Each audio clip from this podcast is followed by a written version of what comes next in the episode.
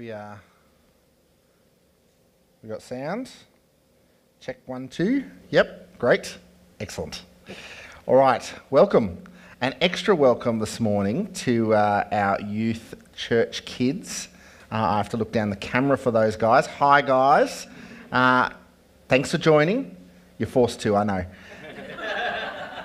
It'll be great. It'll be great. Uh, for the next, uh, as we look at youth church, we're going to have this system alternating weeks. Those guys will be joining us uh, online. Uh, you know, probably they're probably over there eating a tub of ice cream each and uh, kicking back while they watch the sermon. All things we wish we could do during sermons. Um, but uh, we're going to give them their own space, and uh, we're still going to kind of work through some of the same content with them. Um, so great to have you guys joining us uh, through that means. Um, I want to put a picture up, and uh, I wonder what uh, you think when you're driving along the highway and you see something like this. Uh, you know, they say, they say an entire generation of people have had their imagination destroyed by one movie when they see this. Right? I don't know if you know, the movie is Final Destination 2. Um, it came out, you know, 2003 or something like that. Um, in it, the movie opens with a scene of a logging truck, okay, and uh, as it goes along, the logs break loose, and uh, the opening scene of the movie is just two minutes of carnage, like just cars crashing everywhere. And uh, it's such a significant kind of scene in the movie, quite memorable. It's kind of uh, resulted in people saying things like a whole generation have been had their minds ruined by this. And you get internet memes like this uh, next one. Everyone in the left lane has seen Final Destination. Of course, I would argue that's not true. Because if you have seen Final Destination, you would know the logs fall off the left side of the truck. Now, yeah, so there they are you know. But to be fair, being behind the truck is also not a good plan. Here's, here's uh, poor Officer Tom, who is following the truck. And uh, he gets, you know, this brings a new meaning to take the log out of your own eye.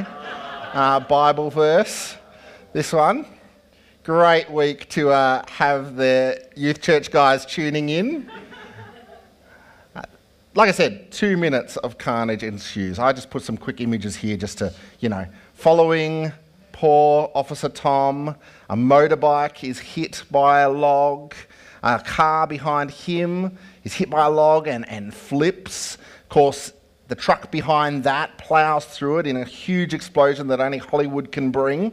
Uh, the car behind that is hit by a log. The car behind that is hit by a log, which also causes the car to explode. The main characters of the movie, they're in the red car behind that, which of course gets hit by a log. Uh, at this point, you would be wondering you know, why people are not stopping. Uh, doesn't seem to be a thing, because the car after that somehow makes it through all the logs by then, the truck skids to a stop, but that car, still not stopping, finds its way to the truck's fuel tank, and, uh, and then the, you know, a huge three story tall explosion goes off. Uh, and then amidst all the fire, a truck comes hurtling to, through uh, the, the red cars on its roof. And the, the girl looks out her window at this truck hurtling towards her, and then snap, she wakes up and she's on the highway and she sees the logging truck and she pulls over and she stops everyone. And everyone pulls over uh, and down on the highway, this truck, the logs break free and they're all saved. Of course, that is the, the synopsis of the movie. They have uh, escaped their fate, but now fate is after them. Uh, and so that's the whole movie, right? Just you've never thought of how many near death experiences you've had in your life until you watch the Final Destination movies. And, and it's, it's the original Dumb Ways to Die kind of movie. Just like the whole movie, on the edge of your seat, this is going to be the end of someone's life. And for most of them, unfortunately, it is. It raises kind of questions about destiny, it raises questions about what, what's future, how much control of your future do you have? Uh, And I think that's a question that comes up as we look at this next section of John when we think about the topic of Judas. There's big questions around Judas and you know the part he plays in Jesus' uh, death, God's plan of salvation, an eternity impacting moment seems to all hinge on this one guy. And the hinging point seems to be in this one scene where he, you know, we're told Satan enters him. And, and it starts to ask that question like, does, did Jesus have any say over what was going to happen? If he hadn't chosen the things he'd chosen, what would have happened? We get these kinds of questions, and, uh, and it makes us, makes, makes us ask that. Like, let me, let me give you a few examples. Last week we uh, actually saw it that Jesus starts predicting when he washes the disciples' feet. He says, You are clean, but not all of you. Uh, then he tells us that, uh, or John tells us, that Judas' betrayal has been prophesied. Uh, it said, But this is to fulfill the passage of Scripture He who shared my bread has turned against me. So, Psalm 41, that is what's been quoted there, almost 900 years earlier, it's been prophesied that this would happen. Does that mean that Judas was destined to do this no matter what? He really, how, could he escape this destiny if this is what has been prophesied? And then we get this depiction of, we get the, this story where Jesus very clearly predicts Judas' betrayal. In fact, this is the clearest kind of prediction of Judas' betrayal that, is, that Jesus gives us. He says, I mean, at verse 21, he says to the disciples, a small group of disciples, one of you is going to betray me. His disciples stared at each other, verse 22 said, at a loss to know which one of them he meant. And then we get this kind of weird gossip chain that Peter starts. It's like I just, I love picturing these kinds of scenes. One of them, the disciple whom Jesus loved, which is traditionally thought of as John, was reclining next to him, that is Jesus. And so Peter starts this gossip chain. Peter motioned to this disciple and said, Ask him which one he means. It's like they're having this little kind of, just between the two of them, let's, let's work out who's going to betray Jesus. And then, uh, like this picture, just, I love this picture. Leaning back against Jesus, this one disciple asks him, Lord, who is it? I can't help but picture like King Julien from Madagascar. Like in Madagascar 2, there's a scene where Melman's, he's, he's lying in a hole and he's got his head there and he's talking about the end of his life. And King Julien says, Surely there's something you wanted to do before you died. And Melman says, There is one thing. And then King Julien lies on his head and goes, What is it? Tell me. And the whole scene is like Melman starts to tell him, and, and as Melman tells him this, this deep truth, the whole time King Julien is just going, Come on, tell me, what is it? Just over the top of him. And at the end, Melman has explained his, his dying love for Gloria, and then Juli- King Julien goes, Fine, don't tell me. That's what, that's what this looks like, right? John, like, it's like he, this, this disciple like leans on Jesus and says, Who is it?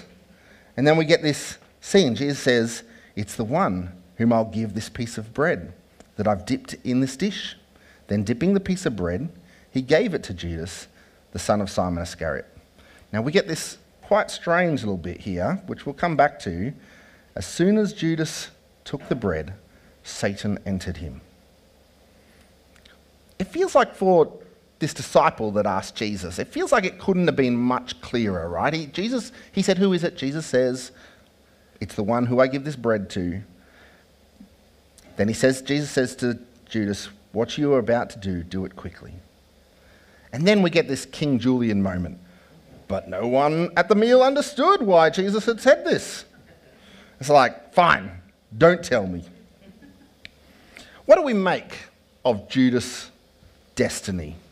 What do we make of what's being played out here? There seems like, seems like so much going on and so much hanging on this kind of pivotal moment it's been prophesied, Jesus has predicted it. Then Jesus actively does something that seems like the catalyst He gives him this bread. And we're left asking the question what, what, did Judas have a choice? What do we make of choices? Do people choose if they follow Jesus? Like, is that what, what, what is going on here? I want to spend a bit of time just unpacking that uh, this morning. I'm going to do this in two halves, and I'm going to save the second half for later in the service. We'll, we'll deal with the last little bit. The first part is, you know, ha- who chooses? What, what do we do of free choice? And the second part is, what is the impact of those choices? So, uh, you youth church guys will be there with us for this first bit, and then uh, you'll, you'll go off to discuss stuff, and we'll do the other part um, later. Who chooses? Is this Judas's choice? Now, I want to pre warn you here. I'm going to I'm going to chase a little rabbit hole for a little bit um, and, and think about some of the philosophical questions that surround this question of control, God's control, human freedom. It's a complicated question. And John weaves a few threads here for us as he writes uh, what's going on here and a few hints to what is going on. For example, verse 18 Jesus says that he has chosen who is going to follow him. He says, I'm not referring to all of you. I know those who I have chosen. So we get a very clear message here that the decision to follow Jesus has something to do with Jesus choosing. And yet, very, just two verses later, we get Jesus also saying people need to make choices. Very truly, I tell you, whoever accepts anyone I send accepts me. And whoever accepts me accepts the one who sent me. So, right in one breath, Jesus says he has chosen those who are going to be with him, and people need to choose to accept him to be united with the Father. And we get these two ideas that are in tension. And what's clear uh, in the Bible is these two ideas keep existing in tension. There's one idea that says God is in control of everything Nothing happens without God's control. And there's a second uh, idea that's in tension with that that is, people make decisions in their life. How can both those things be true? How can God be in control and people also make decisions in their life? And it, it raises all kinds of questions about salvation. Like, if God is in control of everything, how can he actually judge someone who doesn't choose him? He was in control. Surely he had control over that. But the second thing is, if we are in control, we're left asking, what is God doing? Like, what, what's the point? If he's the sovereign, controlling God, well, why doesn't he do more? What is he doing? It raises the question of suffering. People call it the, the problem of evil. Uh, how can God be both in control and also good if suffering exists? Surely, uh, either God is good but he's not in control and that's why bad things happen, or God's in control but he's actually not good and that's why bad things happen. How can these things be true if God is really in control? If we're in control, why isn't God doing something to stop the suffering? Why doesn't He intervene? Why doesn't He take control? It asks questions about prayer. What is the, if, if everything is foretold and foreplanned, uh, what's, what's the point of prayer? If God is already doing his thing, why should we pray? Or if we're the ones in control, then forget praying. Let's just get about fixing stuff. Stop whinging to God and just get out and do it. Like those, these are the kinds of places that we end up when we pursue this question of control and freedom. Now, we've talked about this before in, in sermons here, that one of, one of the really helpful voices in this space is uh, the teacher Don Carson. And I know Andrew has talked through some of his stuff here on uh, prayer, thinking about particularly his, his book, How Long, O Lord, where he talks about how we think through some of this and the impact on prayer. I want to take you a little bit through some of what he says again on, on this stuff. I'm going to put this up on the screen, but um, this is slightly summarized of what two truths that he says live in existence in the Bible. The first one is God is sovereign. And he explains what he means by that is he has controlling power. Not sovereign like he's just the ruler, but not but absent. He's not an absent ruler. He has controlling power. But the other truth that exists alongside that is his sovereignty never stops human responsibility. We see that consistently in the Bible. And the second truth in the Bible is that humans are responsible. By that, he means they make choices, and those choices have moral significance. Right? They're responsible in the sense that both they do the things that have that, that are decisions. They, they choose to believe, they choose to disbelieve, disbelieve, they choose to obey, they choose to disobey. And those choices have moral significance. They actually make a difference in the world of good and bad, right? But human responsibility never reduces God's sovereignty. In fact, Carson adds, and doesn't just kind of leave it to chance. It's not just God's by chance weaving together all these decisions. That's the picture. These two truths are consistently taught in the Bible. In fact, often, like we saw just here in John, often side by side. These two things come up time and time again. And we can't escape that they're both there and they're both taught in the Bible.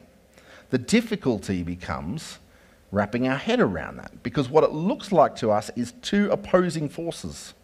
God's in control or people are in control. Which one is it? It can't be both. And yet, both are true.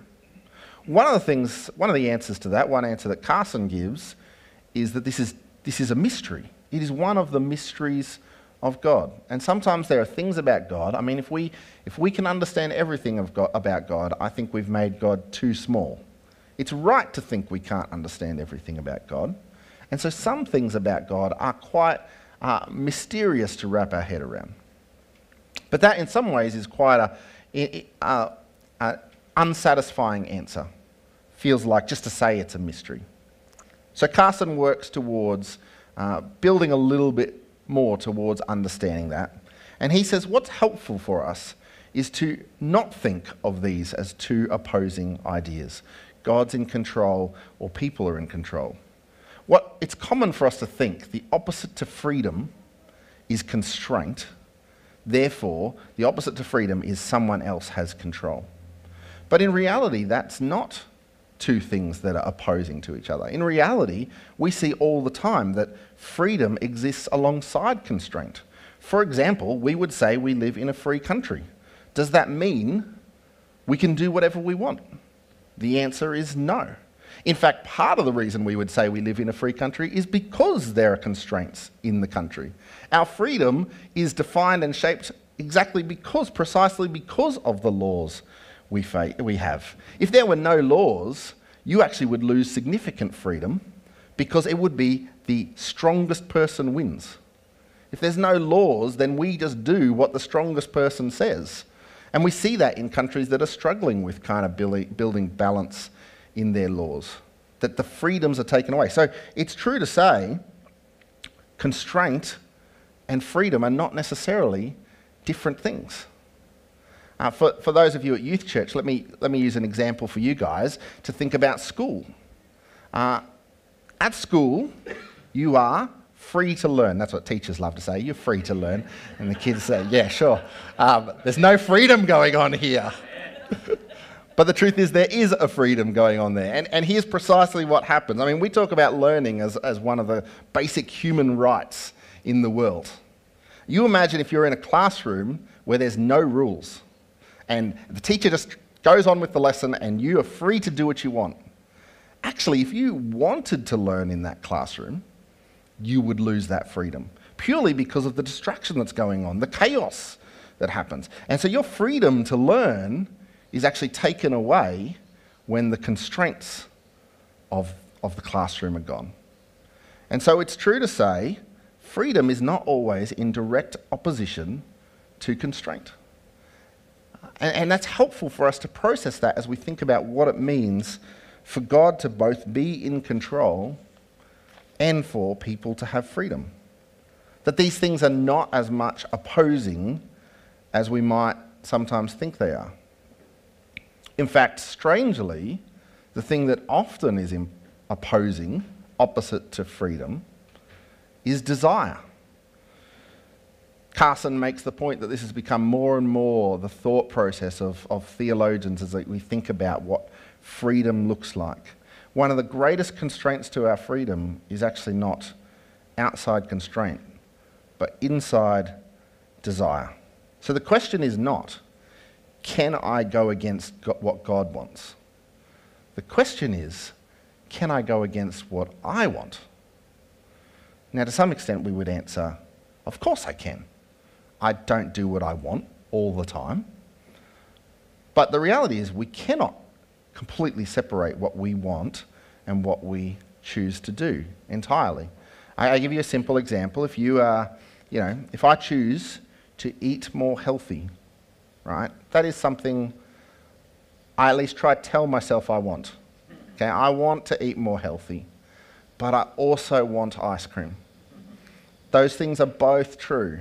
And if I get a moment where I choose not to eat ice cream, and I choose to eat healthy, have I done what I want?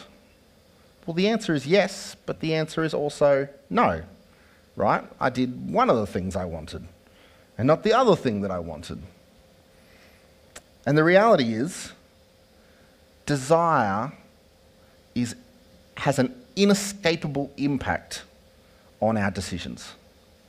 Desire has an inescapable impact on our decisions. Even when we choose to do things we don't want to do, there are other wants and desires. We, we want to not get in trouble for doing the wrong thing. We want to please other people. I'm not talking about when you genuinely have your choices taken away from you. I'm talking when we are wrestling with a decision and we make a decision, uh, it is inescapable, our own desires. And they are one of the things that heavily tied to our freedom. Let's bring this back to the topic of Judas. What seems clear here is Judas is doing what Judas wants to do. There seems no hint that Judas is doing something he doesn't want to do. In fact, there's moments in the story in the Bible where we're told Judas, he's the man who looks after the money, that he has a little bit of a chip on his shoulder about money, and then it's money itself that is the thing that is tempted him to give in, to give Jesus over, to, to betray Jesus. So Jesus, Judas is doing what he wants. Carson summarizes it as thinking about the whole story of, the, um, of Jesus' uh, crucifixion. We have characters like Herod and Pilate and the Jewish leaders. They're all doing significant things that have an impact on, that, that play right into God's plan of salvation. Are they in control? Can they do what they want? This is what Carson summarizes it. Um, he says Herod and Pilate and the rulers of the Jews did what, did what they wanted to do. In each case, God's sovereignty was operating behind the scenes. The human participants, to use the language of the early Christians, did what God's power had, what, what God's power and will had decided beforehand should happen. But that did not excuse them. They did what they wanted to do. So, how does God hold these people accountable for their actions? Because they are doing what they want to do. And somehow that is weaved in with God's power and will over the world. One of the greatest constraints of human freedom is actually human desire. And I want to say that, you know, to some extent, that explaining it that way doesn't fully satisfy all the questions we might have about how God's sovereignty and human responsibility coexist. That it is right to say there is still, amidst all that, a mystery. Part of what Don Carson is trying to do is help us start to unravel the mystery a little bit more. Help us give hints to how this might be. Because he wants to say it's really important that this, this isn't just the Bible says dumb things, so just accept them that it's far greater and more intelligent and more interwoven than that. And we just take steps sometimes in kind of trying to unravel that mystery. But we ask the question who is in control? The answer is God has sovereign control.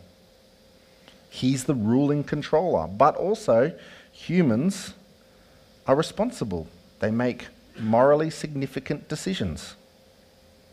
We ask the question of the problem of evil. How do we deal with that? The answer is that God is in control, and therefore there must be, this is what philosophers use this phrase, there must be a, a morally significant reason why God allows, sorry, a morally sufficient reason that God allows suffering. That is, there just must be a good reason why God allows bad things to happen. Now, that's difficult. Once again, it's not an entirely satisfying answer. But once again, we think about the mystery of God and we, we are left with that. For Him to be both in control and good, the answer is there must be, beyond our knowledge, a good reason why God allows bad things. Why should we pray? Because God partners with his people through prayer. That is the invitation that he gives, that he is the ruling controller and he invites us to partner with him through prayer. So, what do we do when we think about choosing? What do we think about Judas's choice to partner to be with Jesus or to reject Jesus? What do we think about our choices to be with Jesus, to accept Jesus, or to reject Jesus? The answer that John tells us is there is two elements that coexist there. Verse 18, Jesus says, I know those I have chosen. And verse 20, whoever accepts me accepts the one who sent me. Both those things are true. So, what do we do with that? What do you do when you're asking the question yourself? Have I, has God chosen me to be one of His? I think that's the wrong question to ask yourself. Because what you're thinking about is your decisions. And so the question to ask yourself is Do I accept or reject Jesus? That's the question you need to ask yourself. The other question is in the background, it's also true, but it's not the question that is for you. The question for you is do you accept or reject Jesus? The question is you're thinking about your friend and you want to say, you know, are they going to be part of God's kingdom? I think both of those things exist in that space. The first one is you want to have opportunities to share Jesus with someone so that they might accept or reject Jesus. But also, you want to pray that God is drawing him to them. You want to pray that he is at work in their lives, calling them to him. Both those things are true, and we, we ought to do both those things. And so we are left with that question Do you choose to accept or reject Jesus? I want to come back in a little bit to think about some of kind of the implications of what it means to be united in Jesus and, and, and um, how we see that in Judas. But the question I want to leave us with at this point is that question of are you, where are you? Do you accept or do you reject Jesus? What are your prayers for your friends and family? Are you praying for your friends and family? Are you finding opportunities to lovingly share Jesus with them? Because that is what we're called to do. Let me pray. Lord God, we thank you for your plan of salvation and that in your sovereignty, that plan was fulfilled in Jesus, and a way was made that we can be united to you. Lord, we pray.